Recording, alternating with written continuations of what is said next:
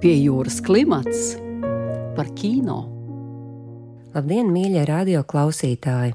13. oktobrī tiek atklāts Rīgas starptautiskais kinofestivāls, kur līdzās filmām no visas pasaules gaidāms arī vairākas nozīmīgas pašmāju pirmizrādes. Festivālu atklās Sigmas Baumanas jaunā animācijas filma Mans laulība projekts, par kuru sīkāk stāstīsim turpmākajos raidījumos. Taču jau 14. oktobrī pašmāju pirmizrādi piedzīvos Matīs Kažas jaunā spēļu filma Neona pavasars, kas stāsta par jaunas meitenes pieaugšanu, sevi atrodot un pazaudējot Rīgas reiva pasaulē. Galvenajās lomās redzam jaunās paudzes aktieri Marija Luīza Meļķa, Grēta Trušiņa, Gerts Lapoška un Agnes Rukšāna. Filmā skan to mauniņa mūzika. Toties 20. oktobrī gaidām režisors Linda Soltes debijas spēļu filmas Māsas Nacionālā pirmizrāde. Stāsts fokusējas uz 13 gadus veco Anastasiju, kura kopā ar jaunāko māsu dzīvo bērnu namā. Kad kāda amerikāņu ģimene izsaka vēlmi māsas adoptēt, māsas ir smagas izvēles priekšā. Abas filmas ir spēcīgas jau pieteikušas arī starptautiskajos kinofestivālos un ir gatavas tikties ar Latvijas skatītājiem. Lai arī filmas pievēršas atšķirīgai tematikai, tās vieno producents Matīs Kaža, operators Aleksandrs Grebņevs un lielisks jaunās aktrises Marija Luīza Meļķa un Emma Skirmante. Lai pastāstītu par savām filmām Neona pavasars un māsas, studijā viesojas režisori Matīs Kaža un Linda Olta. Raidījumā attālināti piedalīsies arī operators Aleksandrs Grebņevs. Sveicināti! Sveiki! Sveiki! Matīs, Linda, pastāstiet, kā jūs nonācāt tieši pie šiem stāstiem.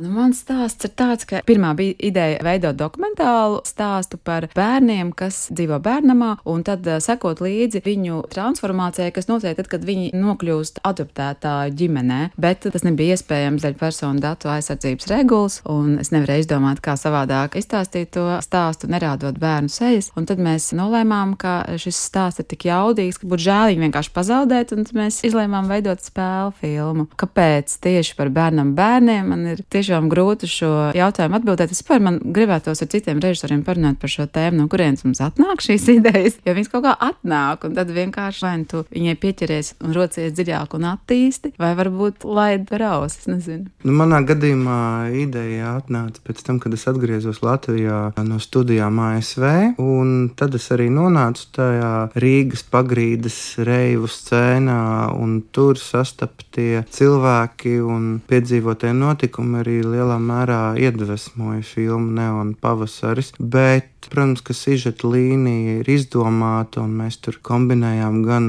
savu fantāziju, gan arī īstus vai nu sadzirdētus stāstus, vai arī kaut ko no mūsu, un ar mēs, es domāju, sevi un aktierus no mūsu personīgās pieredzes. Scenārijs tapa jau zinot, ka galveno lomu spēlēs Marija Luīza Meļķe, un arī daži no otrā plāna varoņiem bija jau tā teikt noskatīti. Kāds bija jūsu izpētes process? Gan veidojot scenāriju, gan kopā ar aktieriem, mēģinot, strādājot. Manā gadījumā izpētes process bija ļoti aizraujošs, jo es tiešām daudz laika pavadīju gan bērnu namos. Mēs kopā ar Sāšu Grebņevu operatoru braucām un veidojām tādas meistarklases. Bērniem rādījām, kā taisīt kino, un tad tā priekš manis bija ļoti labi iespēja viņiem iedraudzēties un novērot, kādi viņi ir, un tā kā būt tādā tiešā tuvumā. Jā, es daudz tiešām runājos ar gan bērnam audzinātājiem, direktoriem, mamām, kas ir kaut kādu iemeslu pēc atstājuši savus bērnus, nespēdams par viņiem parūpēties, bāriņties darbiniekiem. Nu, var sakot, visu, ko vien varēja iedomāties un kas ceļā trāpījās vai nu, meklēja, protams, ar tiem runāju. Bērnam, bērniem, jā, pašiem, kas ir uzauguši un kas tagad jau ir jaunieši. Un tad vienkārši vāc kopā tos klucīšus un tad mēģināju saprast, kā lai to stāstu kaut kādā dramaturgiskajā rāmī ieliek. Manā gadījumā mēs gājām uz reivu ballītēm. Tik tālu, cik tas bija iespējams, jo mēs šo filmu sākām uzņemt 2020. gada vasarā, kad bija zinām ierobežojumi un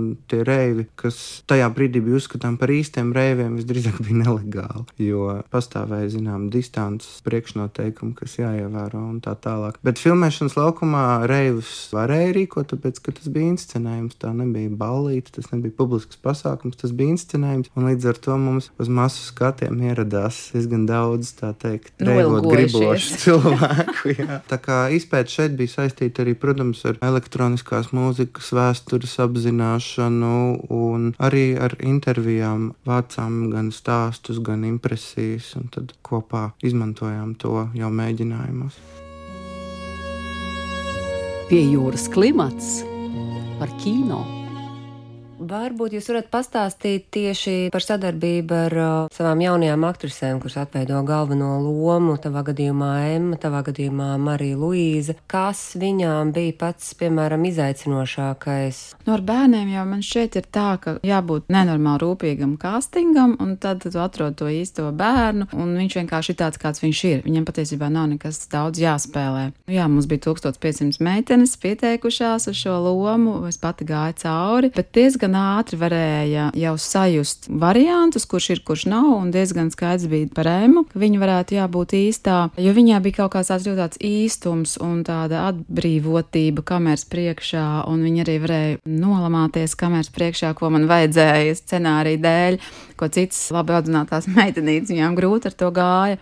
Kas bija grūtākais, varbūt viena no šīm lietām, ka patiesībā ik pa laikam ir jālieto kaut kādi lamu vārdi, vai ir jābūt tādai agresijai, vai kaut kāds tāds emocijas spilgtāks jāpauž, jo Ema pati pēc savas būtības ļoti stabila, un tad eh, man vajadzēja drusciņi ar viņu tur viņu uzkacināt, sadusmot, lai viņa laiž ārā to, ko man vajag. Nu, vēl viena arī bija grūtība mums tāda, ka pandēmijas laikā filmējām, notika tā, ka viņas vecāki saslima slima, un tad viņa nabadzīta tika tur aizsvīrēta pie radiena dzīvot, un katru dienu rītā vakarā testēja, un respektīvi, ka tā jau viņai grūti filmēšanas laukumā gari un vēl kaut kur pašai jātiek galā. Nu tā, ka man liekas, tas bija nopietns pārbaudījums. Bet viņa izturēja, viņa brīnišķīgi visu izdarīja. Un kā viņa ar pārējām māsām izveidoja šīs attiecības? Jā, man šķiet, ka ļoti kaut kā organiski viss saslēdzās, un sevišķi ar vecāko māsu, man liekas, viņas arī atrada tādu foršu kontaktu. Tieši tā kā ir, ka lielā māsa ir kaut ko tur abas pasmējās un tā pavelku zoba, un man liekas, labi tas sanāca. Un ar mazo arī. Vēl svarīgs moments, kas man bija svarīgs, lai man ir labs kontakts ar mamām. Vai aktrīšu mamām, protams, vecākā māsa pat nāca, un viņai ir 20 gadi pāri, un ar to, ko ir pieaudzis cilvēks, bet, nu, ar mazajām tā nav tādu pasaku princešu filmiņa, kur visas meitnītes labprāt filmējas. Tur ir arī tādi momenti, kur varbūt kādai mammai, nu, tā nodraba sirds to redzot, un tad mēs daudz arī ar mamām runājām, bet, nu, viņas bija ļoti ļoti, atbalstošs, un tagad mēs arī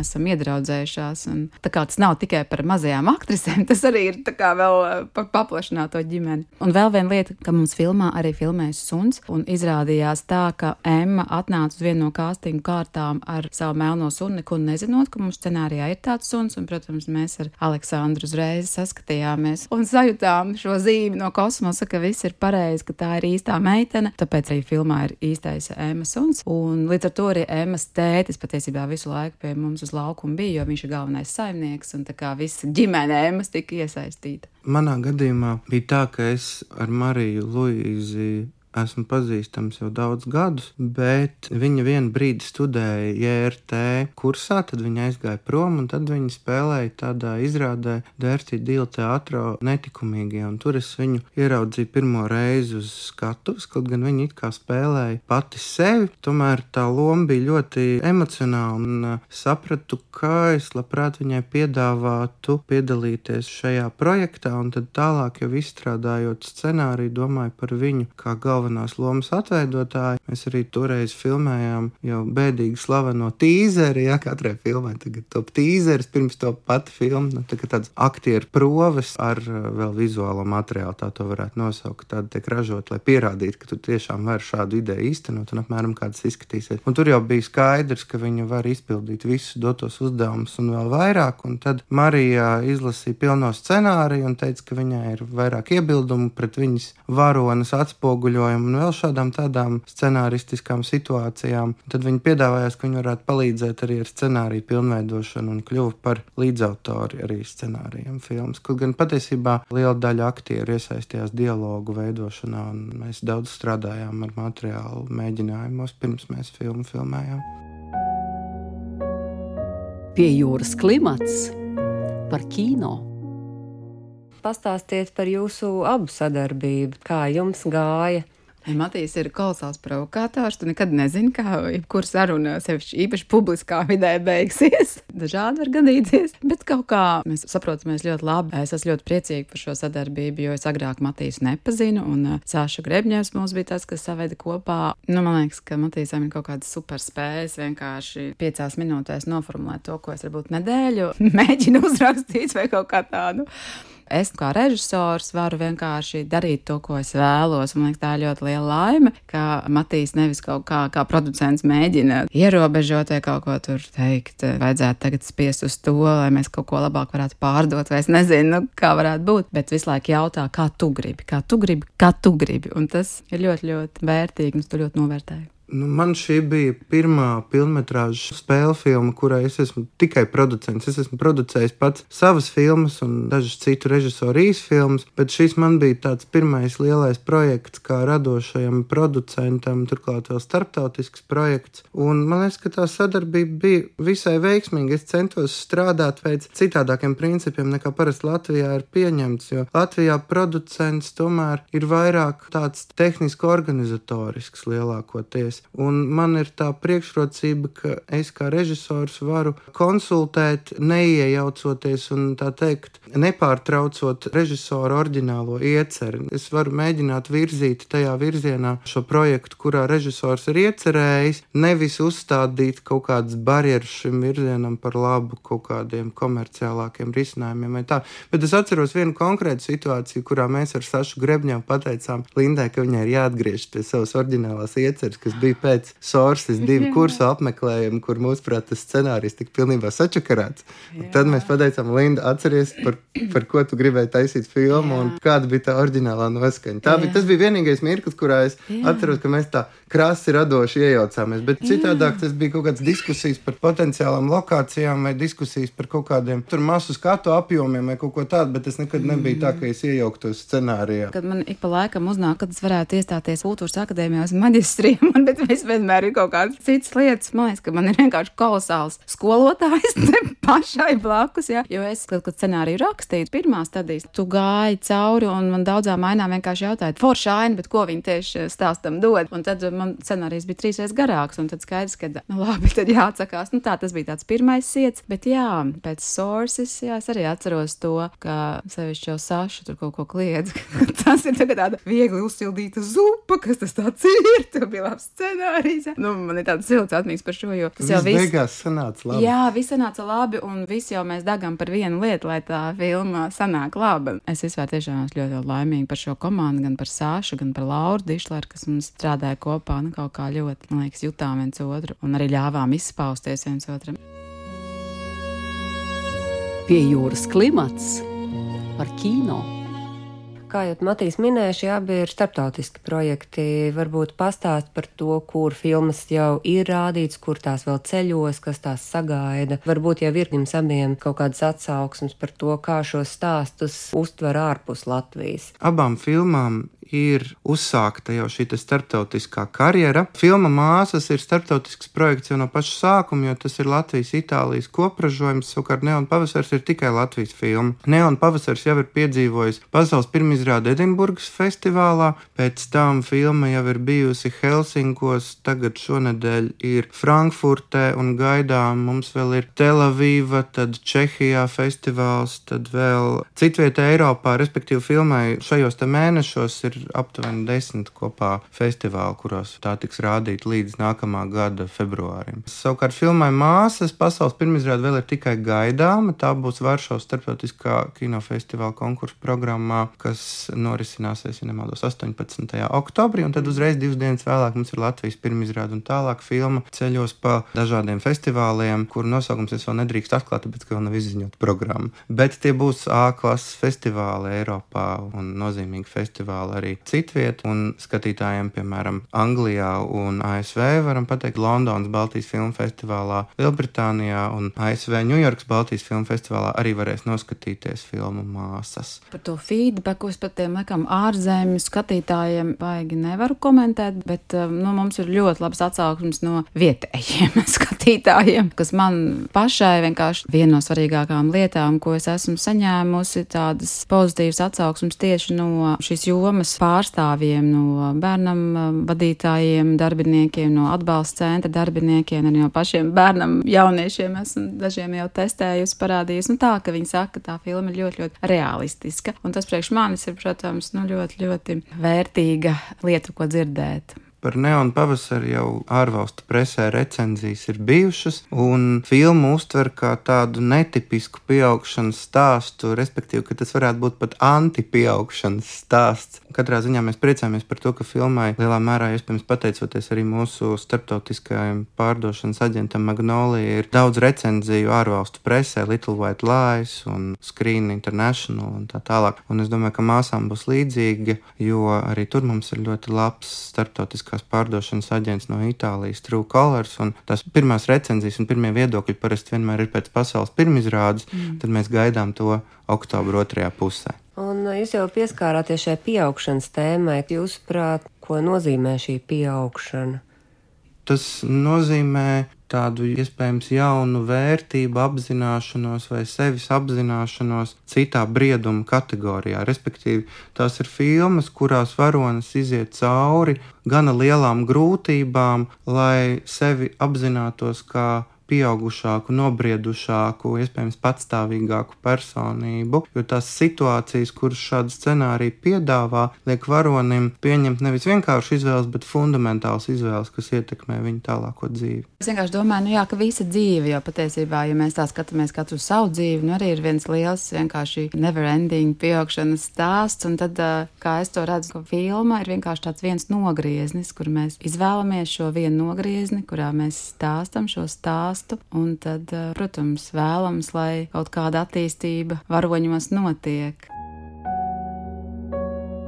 Pie jūras klimats par kino.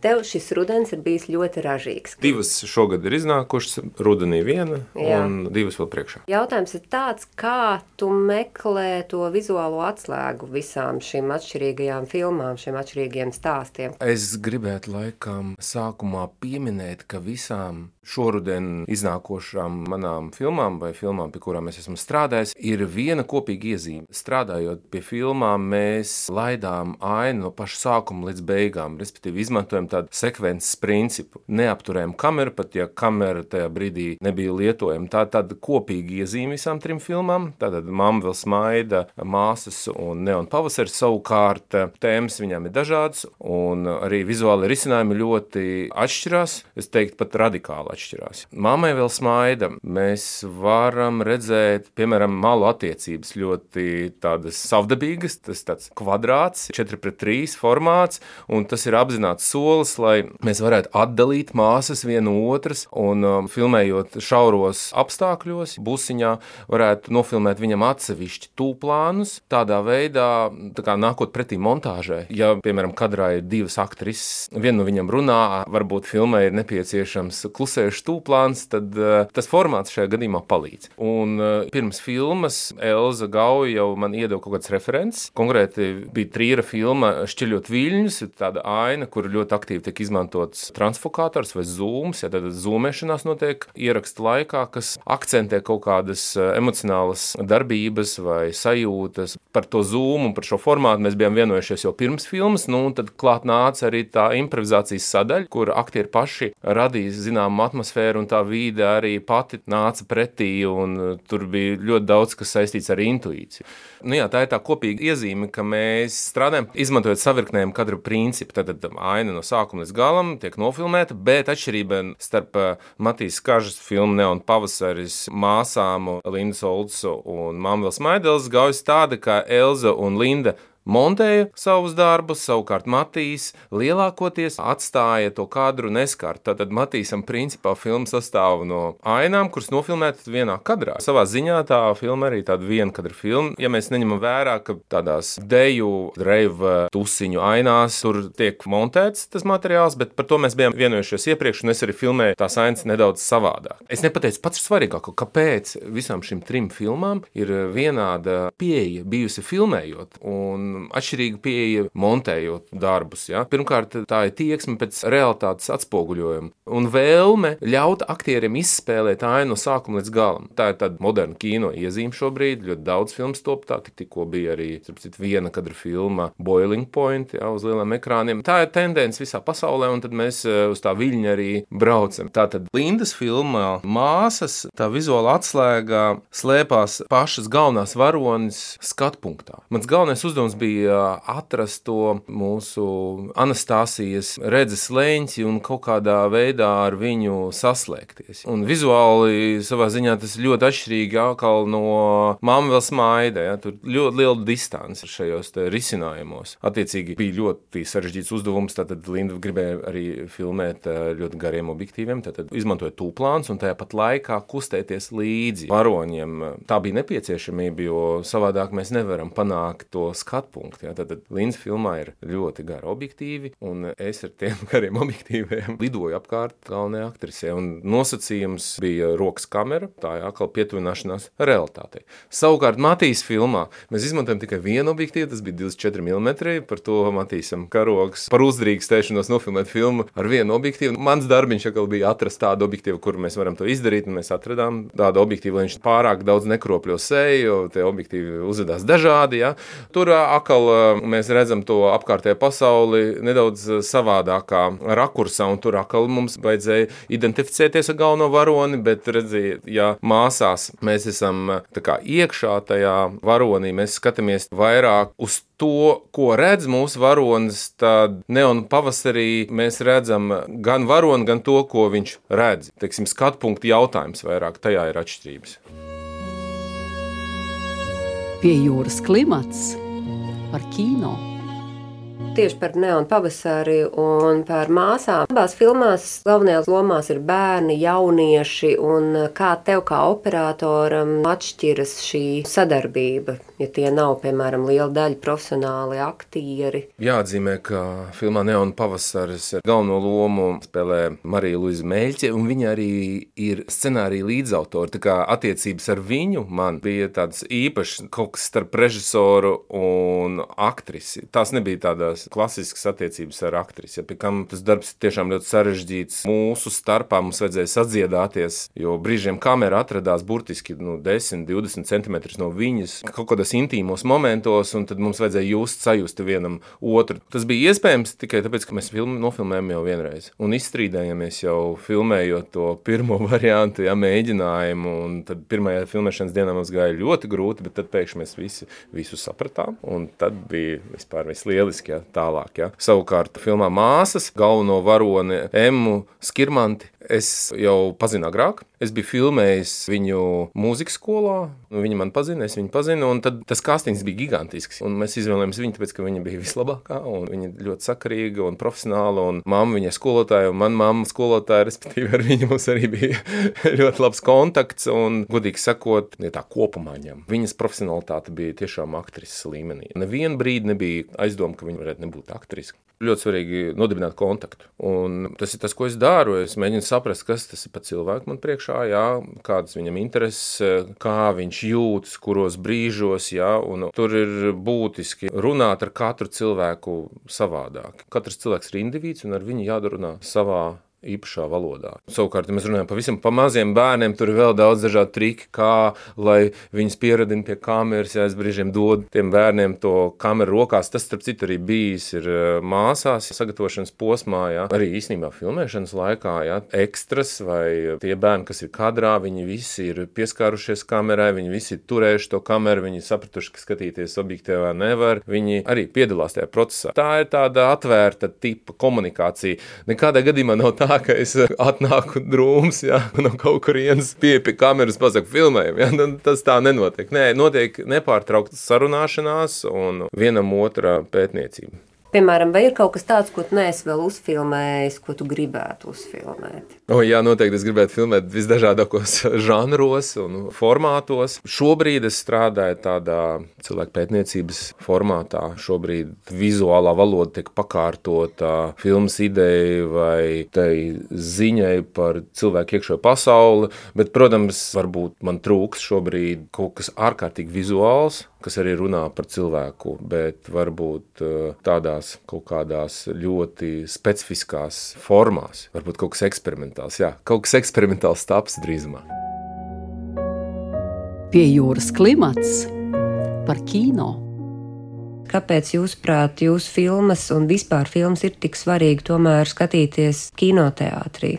Es par savu filmu. Mūsu filmai ir ļoti rūpīgi izstrādāts skaņu celiņš, kurš piedāvās reiva pieredzi kinoteātrī. Man tikko atnāca lūgums no kinoteātriem pirms filmas uzstādīt eh, brīdinājumu ziņu, ka tur ir neierasti skaļa mūzika, kas tik tiešām tā arī būs, bet mēs pie tā strādājām, lai tik tiešām tā reiva sajūta būtu, un diez vai to var panākt skatoties filmu klipdatorā. Droši vien jau katrs kino režisors cer, ka viņa filmu skatīsies uz lielā ekrāna, jo tāds ir paredzēts, tādas ir domās. Mēs esam vairāk kā paši gājuši uz uh, lielā ekrāna skatīties, testēt katru mazo niansi, un um, tas vienkārši ir paredzēts. Jo man pašai ir tāda pieredze, ka es noskatos vienu filmu uz mazā ekrāna, un tad kaut kādu iemeslu pēc es noskatos viņu vēlāk uz lielā, un pēkšņi saprotu, ka tā ir tiešām pilnīgi cita pieredze. Man tas ir tāds piedzīvojums bijis, ja? un tāpēc es visiem novēlu vienkārši šo piedzīvojumu. Un es vēl gribēju pateikt par māsu Seāns Rīga IFI ietvaros, man liekas, brīnišķīgs festivāla iniciēts pasākums ir tas, ka filmai Māsas būs pirmo reizi Latvijā tāds pasākums kā audio apraksti vāredzīgiem cilvēkiem. Es nemaz neiedomājos, kā tas ir, bet izrādās ir tā, ka, ja vāredzīgs cilvēks tu gribi aiziet uz kino, tur ir vajadzīgs kāds draugs vai paziņš, kas tev vienkārši klusiņām čukst austiņā, kas notiek. Un pasaulē tas notiek, daudzās valstīs vispār tas ir obligāts pasākums. Mums pirmo reizi Latvijā tas notiek, un es esmu ļoti priecīga un patīkama pateicīga, ka tieši filmē māsa būs šāds audio apraksts. Jā, man liekas, tas ir ļoti jauki no festivāla puses, ka viņi šo te inicēja. Paldies jums par sarunu! Lai jums veiksmīgas pirmizrādes un cerams, tiekamies kinoteātros. Paldies! Tiekamies! Paldies!